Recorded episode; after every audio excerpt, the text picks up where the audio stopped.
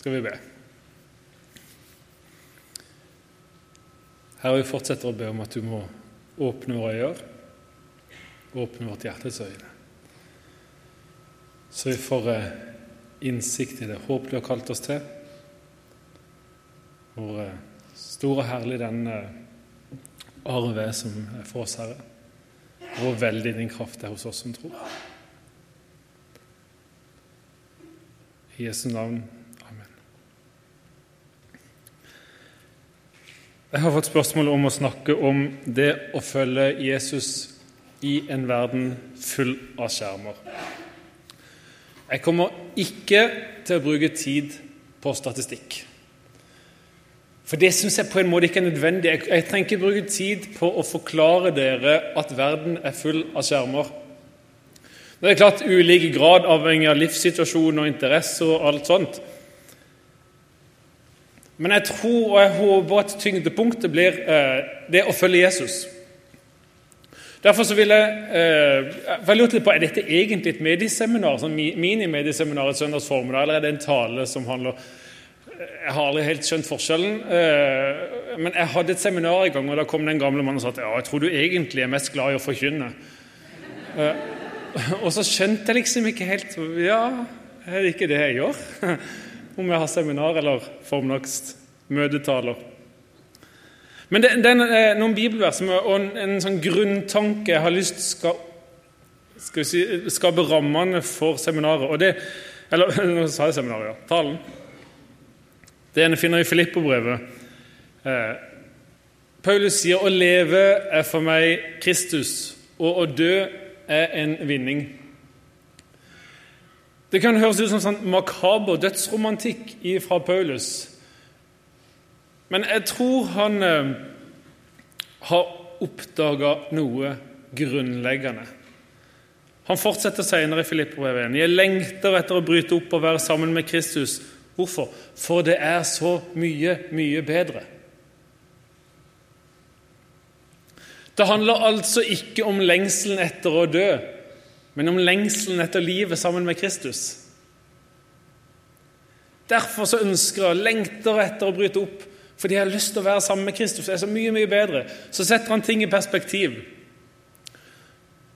Fordi Hos Jesus har han oppdaga et liv, en glede, en tilfredsstillelse som sprenger alt annet av grensene for dette livet.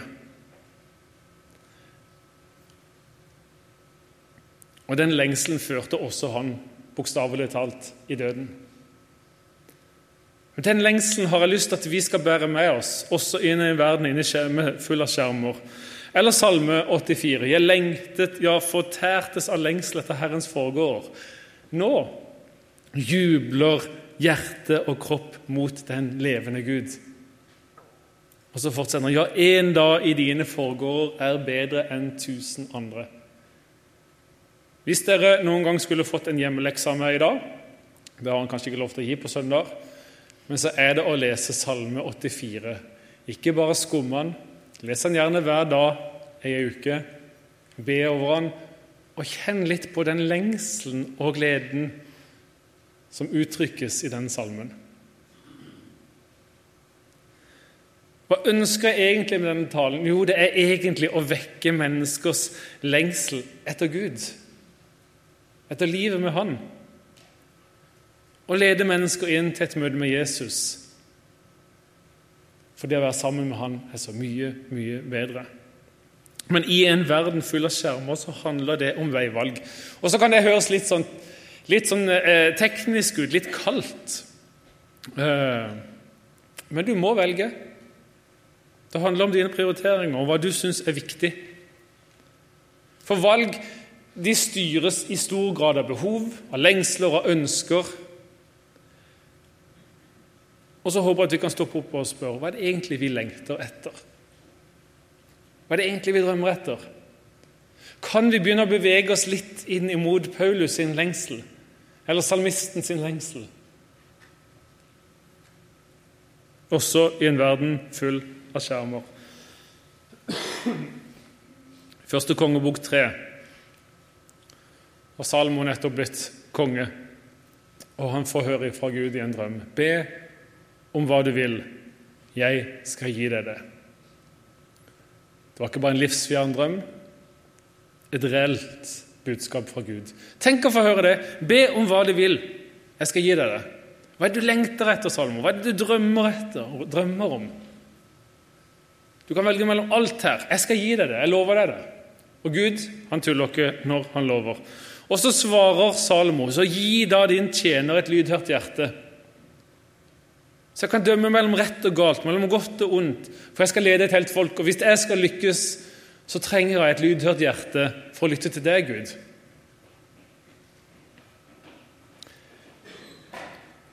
Jeg tror det er en bønn som Gud fortsatt vil besvare hvis vi ber om det. Gi da din tjener et lydhørt hjerte. Det er så mange som vil si meg noe. Det er så mange som vil ha min oppmerksomhet. Men hvem er det vi lytter til? Og så har jeg lyst til å ta oss inn i tre ulike områder av mediehverdagen vår. Der vi må ta valg. Der vi må velge hvem vi lytter til. Der vi må velge hvem vi gir lov til å definere sannheten i våre liv. Og Det er kanskje litt urettferdig i en forholdsvis kort tale. Livsfarlig å si. Jeg husker i gang, altså, si en forholdsvis kort tale, så begynner man å telle minutter. Det, det er en veldig dårlig pedagogisk. det hørte nå. Jeg husker en gang en taler som var forkjøla. Han sa at jeg får se om stemmen holder. Og jeg husker bare å, jeg håper han holder. jeg håper han holder. Jeg ble, jeg ble litt skuffa. Han holdt. Men ok, forholdsvis kort tale. Så er det litt urettferdig å ta dere gjennom sånn tre ulike områder av det enorme medielandskapet. Men ok, vi prøver. La det være en første smak på tre områder der vi må bestemme oss for hvem skal få lov til å definere sannhet inn i våre liv. Hvem lytter vi til? I møte med populærkulturen. Jeg var nettopp i et møte med TV Inter, som dere kanskje kjenner, de som lager Egil Svartdal-programmene. De har fem postulater, som de kaller det, eller verdier, som de styrer, og som de skal prege programmene de lager. Et av de postulatene var eh, at de skal være underholdende. De skal drive med underholdning. Så høres kanskje det litt overfladisk ut, for de driver med trosformidling. Eh, men jeg tror de har oppdaga noe. Det ene de har oppdaga, er at hvis ikke vi underholder, eh, så hadde, ikke, så hadde vi aldri vi vært 25 år på skjermen eller 20 år på skjermen med eget Svartdal-programmer med en TV-pastor. Det andre som jeg tror de har oppdaga, er at underholdning er en av de kraftigste måtene å kommunisere på. En av de kraftigste måtene å formidle sannhet og verdier eller løgn og verdier. Vi vil skape verdifull underholdning, sier TV Inter. Men hva når ikke-underholdninga er verdifull? Eller når vi møter en blanding i populærkulturen, sånn sånn som vi stort sett gjør. Og Jeg er livredd for å komme inn i litt sånn pekefingermoralist, men jeg har lyst til at vi skal stoppe opp og reflektere og si hva, hva skaper dette med oss? Hva kommuniserer det? Hva formidler underholdninga? Er det bare underholdning? Er det sånn at jeg kan bare sette meg ned, sånn som jeg må innrømme jeg ofte har en tendens til å gjøre, sette meg ned og si at nå skal jeg bare slappe av? Og så er det en fare for at vi setter hjernen på tomgang og sier at åh, nå skal hjernen få hvile. Problemet er at når hjernen går på tomgang, så er det andre som har tenkt før det, når de har produsert dette. Og så formidles verdier mellom linjene, og veldig ofte også i underholdningsform. Kan dere ta med dere tanken? Det betyr ikke at dere alltid må skru av og kun se på det som har et tydelig kristent vitnesbyrd. Men tenk at det er to ulike positive måter dere kan gå inn der med. Det ene er at jeg kan si at jeg ønsker å gjenkjenne det som er godt og rett og sant her. Fordi vi tror at alt som er rett, sant og godt, kommer fra Gud. Djevelen kan ikke skape noe av dette. Vi tror at det har sitt utspring i Gud. Ja, Kan vi da se en film eller et program og glede oss over det som er sant og godt her? Og så må vi samtidig avsløre at men dette formidler noe annet enn det vi står for, enn det Bibelen sier, enn det som er godt og sant. Disse intrigene i dette reality-programmet det er ikke så bra, for eksempel. Og så betyr det at man skal skru av, da. Det er faktisk noe som ikke jeg kan si. Det er noe dere må ta med inn i møte med Gud. Og så er det ikke sikkert jeg må det. Men vær litt bevisst. La hjernen stå på. La hjertet være på når dere trykker på på-knappen. En fryktelig enkel tegning. Dette, som alle kan se, er en programskaper. Jeg er usikker på om de går sånn kledd, men eh, som skaper underholdning på ulike skjermer. Spill, serier, filmer osv. Som da formidles til oss som ser på. Og så er det store spørsmålet hva gjør det med hjertet vårt? Bevar hjertet framfor alt du bevarer, for livet går ut fra det. Så kan vi si at helt bort oss, Jo, selvfølgelig, vi skal jobbe med å eh, få fram gode regissører, produsenter osv. Det er noe av det vi også gjør i familiemedier. Kan vi være med å heie fram noen, gi stipend til noen som har en god idé? Og vi skal også jobbe med det som formidles på skjermene. I dialog med mediene si at dere må ta et ansvar for hva dere formidler. Men jeg tror at den største kampen om ditt hjerte og om samfunnet For samfunnet er vel strengt tatt eh, summen av våre ulike hjerter, holdninger. Den er på det tredje leddet. Det er på det. På hva du ser når du ser på skjermene. Hva det gjør med ditt hjerte.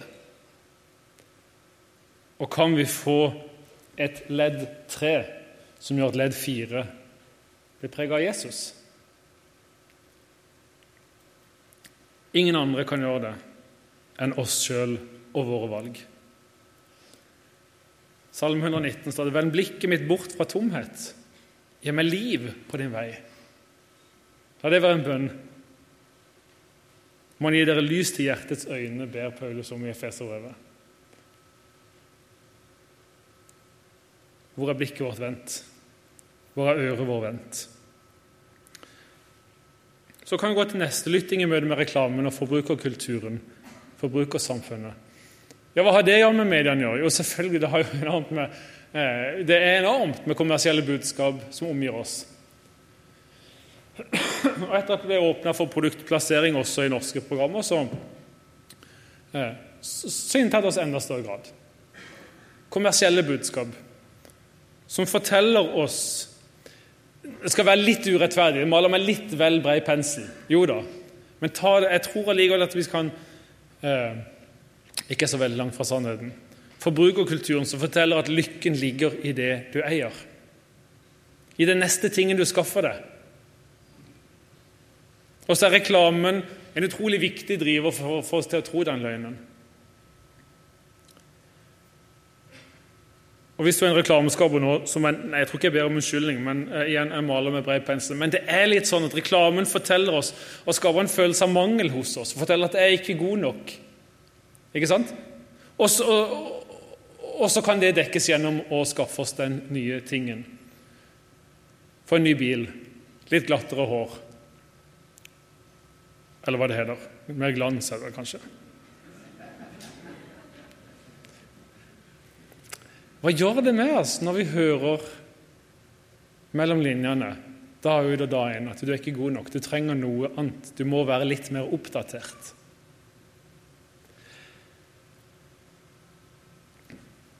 Jeg tror at vi eh, jeg tror, Nei, jeg tror at Jeg vet vi skal lese for å la oss utfordre 1. Timoteus 6. Som Paulus snakker inn i forbrukerkulturen. Ja, gudsfrykt med nøysomhet er en stor vinning. For tomhendte kommer vi inn i verden, og tomhendte må vi forlate den. Har vi mat og klær, skal vi nøye oss med det. Men de som vil bli rike, faller i fristelser og snarer og gripes av mange slags tåpelige og skadelige begjær som styrter mennesker ned i undergang og fortapelse, for kjærlighet til penger er roten til alt ondt. Drevet av den er mange ført vill, bort fra troen og har påført seg selv mange lidelser. Men du, Guds menneske, hold deg borte fra dette, og jag etter rettferdighet, gudsfrykt, tro, kjærlighet, utholdenhet og ydmykhet Strid troens gode strid, og grip det evige liv som du er kalt til. Det som du bekjente deg til da du bar fram den gode bekjennelsen for mange vitner. Men du, Guds menneske, hva er det vi lengter etter, hva er det vi strever etter, hva er det vi drømmer etter? Jeg tror reklamens største fare er at du er tilfreds, at du er takknemlig. Tenk om du en dag sto opp av senga, gikk inn på badet, så deg sjøl i speilet og så tenker, Nå skulle jeg liksom tenke at ja, nå snakker jeg til tenåringer. Nei, dette gjelder nesten alle mennesker.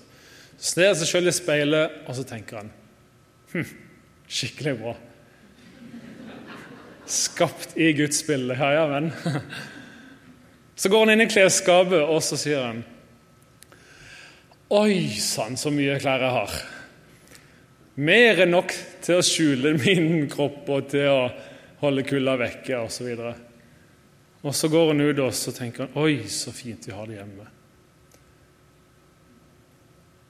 Og så lærer han seg litt takknemlighet. Jeg hørte om en som eh, var med i et NRK-program som heter Oppdrag lykke, tror jeg det heter. Så sa han, hva, hva, Når han har liksom oppnådd alt Han snakka om seg sjøl. Han oppnådde oppnådd alt, fått alt han vil ha, kom opp på toppen. Så var det ikke noe mer. Så var han ikke lykkelig. Hva er det da som er lykke?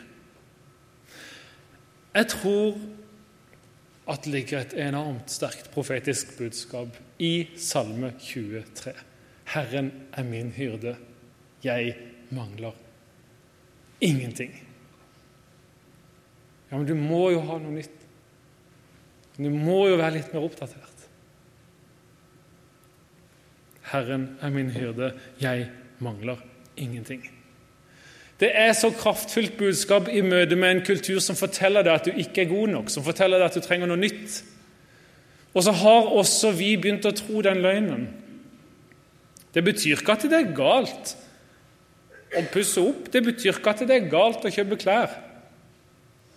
Det er det som kanskje gjør det så vanskelig, for en, fordi det er ingen sånn klare grenser mellom rett og galt.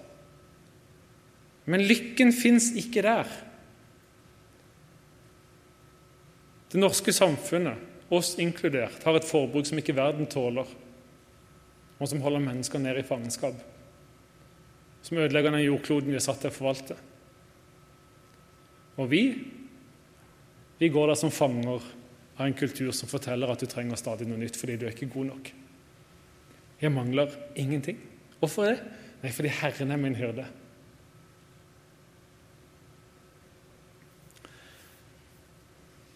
Vi er skapt i Guds bilde. Jeg tror vi trenger å fortelle oss sjøl det igjen og igjen. Fortelle våre barn det, fortelle ungdommene det. Skapt i Guds bilde. Og så trenger vi å gå der fra Edens hage når vi har vært der, og la mennesker forstå at de har De gjenspeiler hvem Gud er. De har i seg et bilde av Gud. Og så går vi med dem fram til Golgata og så forteller de hvor sterk verdi har du? Hvor verdifull er du?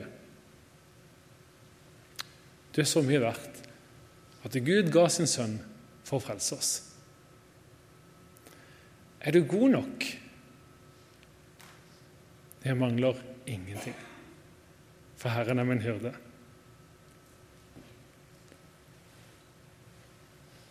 Så hopper vi videre til lytting i møte med online-kulturen. En kultur der vi alltid er påkobla. Og det er til en viss grad utrolig praktisk. Og på en annen måte utrolig livsfarlig. Det er lett å få tak i andre. Det er lett å få tak i informasjon. Eh, lett å finne ting man kan eh, lære, som man kan eh, også glede seg over. Og så er det lett å bli fanger av en eh, tilgjengelighet og en påkobling. Eh, så har vi hele verden i lomma. Jeg var i gang på nordiske mediedager, som holdes her i Grieghallen en gang i året.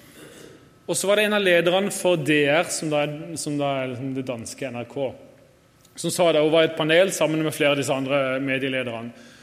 Og Så snakka de om Facebook og Google og disse her som de store konkurrentene. Og så sa de men egentlig sa hun, så kjemper vi ikke mot hverandre, eh, sa hun til disse i panelet. vi kjemper om menneskers tid. Eller vi kjemper mot menneskers tid. Eh, og det er litt sånn skummel retorikk, der, der en kanskje uten å ønske det, men der der vi blir motstanderne, Der, der vår tid blir det de skal ha tak i. Vår oppmerksomhet er det de skal ha mest mulig av. Se hva som skjer. Og så lever vi i eh, og, Jeg tror jeg er i ferd med å bli litt sånn teknologiskeptiker. Det er litt pussig. Men, men, eh, og når jeg står liksom, vi lever i en tid, så høres det ut som, høres det som ut som en dommedagsprofet. Men, men, det er allikevel noe som, er, som skremmer meg litt. Eh, fordi bredbånd, og kanskje enda mer mobilt bredbånd også, eh, smarttelefonen, eh, Facebook det tror jeg er kanskje de tre viktigste driverne i en medierevolusjon som vi ikke har sett magen til. Jo da, boktrykk og kunsten kanskje skal holde den utenom, for den var jo en enorm revolusjon. Men de siste ti årene, når vi har fått smarttelefonen, sosiale medier med Facebook som det viktigste, og etter hvert også datapakker som gjør at du trenger ikke spare når du er ute en gang, selv ikke når du er på reise i utlandet så gjør det noe enormt med oss. Der de får mer og mer av tida vår. Og Da snakker vi ikke først og fremst bare om antall minutter eller timer, men jeg tror jeg skal si antall eh, punktvise distraksjoner. Slå av flest mulig push-varsler på mobilen din. Det var dagens faderlige oppfordring. Eh, for stillheten står i fare. Oppmerksomheten står i fare. Det å tenke tanker ferdig, altså refleksjon, står i fare. Blikkontakten forsvinner. Og blikket det er noe av det viktigste vi har for å bygge relasjoner for å knytte kontakt med hverandre, for å se den andre, for å se den andres behov, for å signalisere at du er viktig for meg.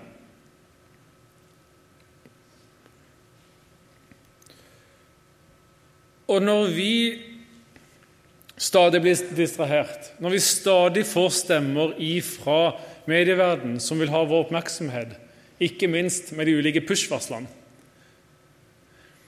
så mister vi gradvis evnen til å skjelne mellom hva som er artig og interessant, og, sånn, og hva som er nødvendig og viktig.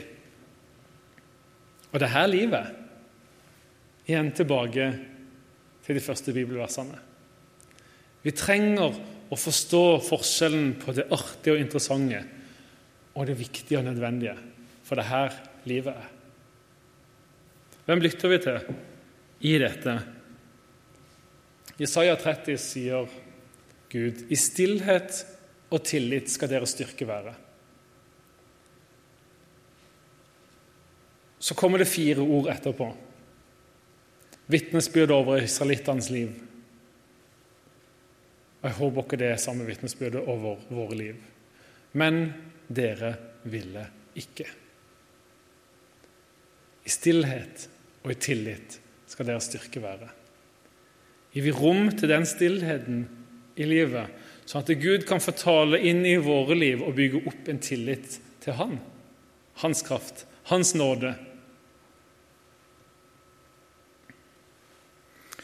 Du trenger tolv sekunder, har jeg hørt, sier psykologen Rick Hansen. Har, har forska og altså Forskningsrapporter som ikke er selv, som jeg bare har lest en notis på, er livsfarlig å stå her og formidle.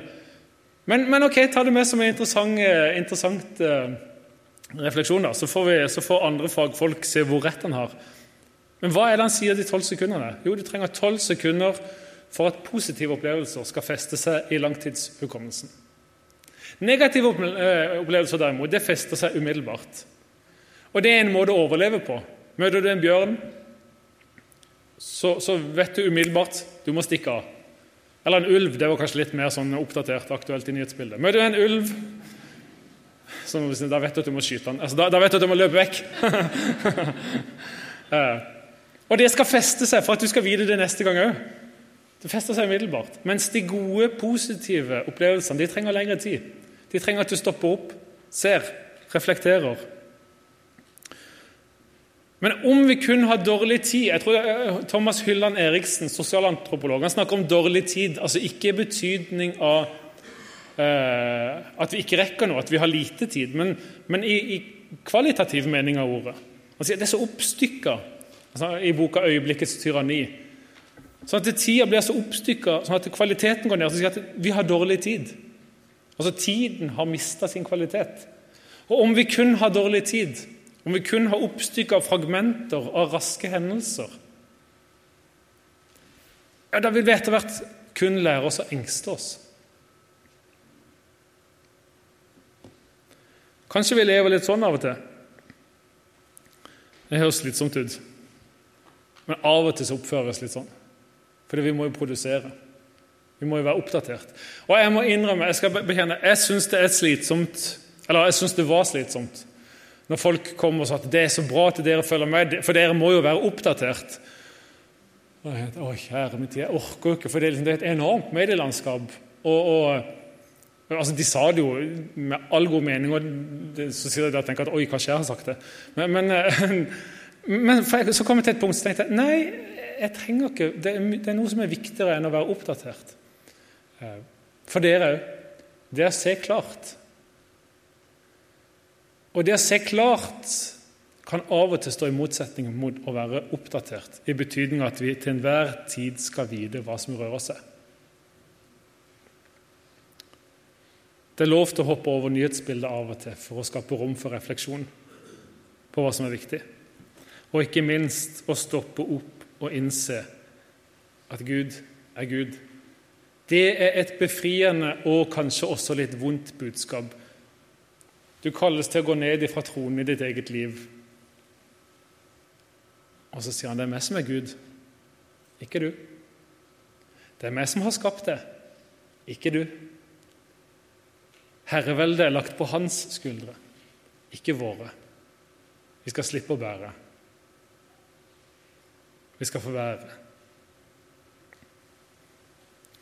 Og som en sånn konkret utfordring inn i dette En gang i året så arrangerer vi skjermfri uke, men kanskje viktigere det er jo liksom et artig stunt. da. Noen får helt sånn abstinens bare med å høre ordet 'skjermfri uke'.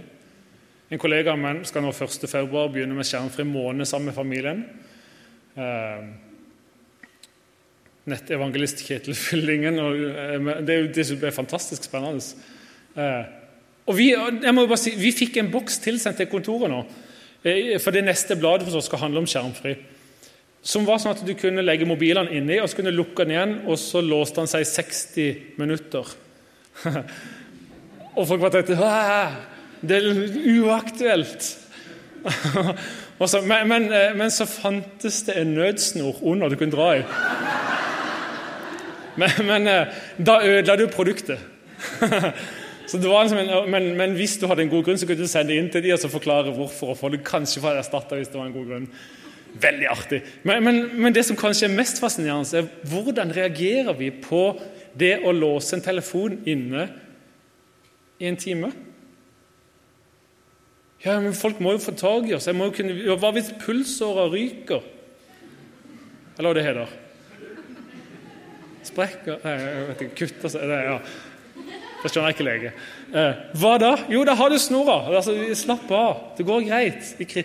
Men, men, alt det andre, det som er artig og interessant, det låses vekke. Kanskje det kan skape rom. Og Det er noe av tanken med skjermfrie uker, eller skjermfrie perioder, skjermfrie soner. Legg vekk det artige og interessante. Prioriter hverandre tilstedeværelse. Prioriter Gud. Prøv å lage det. Hva er de skjermfrie sonene i deres hjem? Hva er de skjermfrie periodene i deres liv? If kjørte en kampanje der skjermfri tid skulle være etter klokka ti om kvelden. Jeg håper dere tar det enda litt lenger, men, men det var en begynnelse. Og disse her som var med på det og blogga, kjendisene, de reflekterte over det. Oi, plutselig så så liksom mer mennesker rundt. Vi fikk tid til stillhet osv. Fantastisk. Det handler om å ta tiden tilbake, ta blikkene tilbake og ikke minst om å skape tid til å glede seg i Herren. Og det er et fantastisk bilde. Vend blikket mot Han og strål av glede. Så skal dere aldri rødme av skam, sier Salme 34, 34,6. Men det er du som må velge. I din konkrete mediehverdag, i dine relasjoner og Jeg har lyst til slutt til å hente inn en oppfordring fra bryggeri Ringnes. Tørst etter det beste. For hos deg er livets kilde, sier Salme 36. Ringnes er borti noe, men jeg tror vi kan si hva er det beste. Og Kan det være lengselen i vårt liv? Kan det være det som, som styrer våre valg også i møte med en verden full av skjermer? For hos deg er livets kilde. Amen.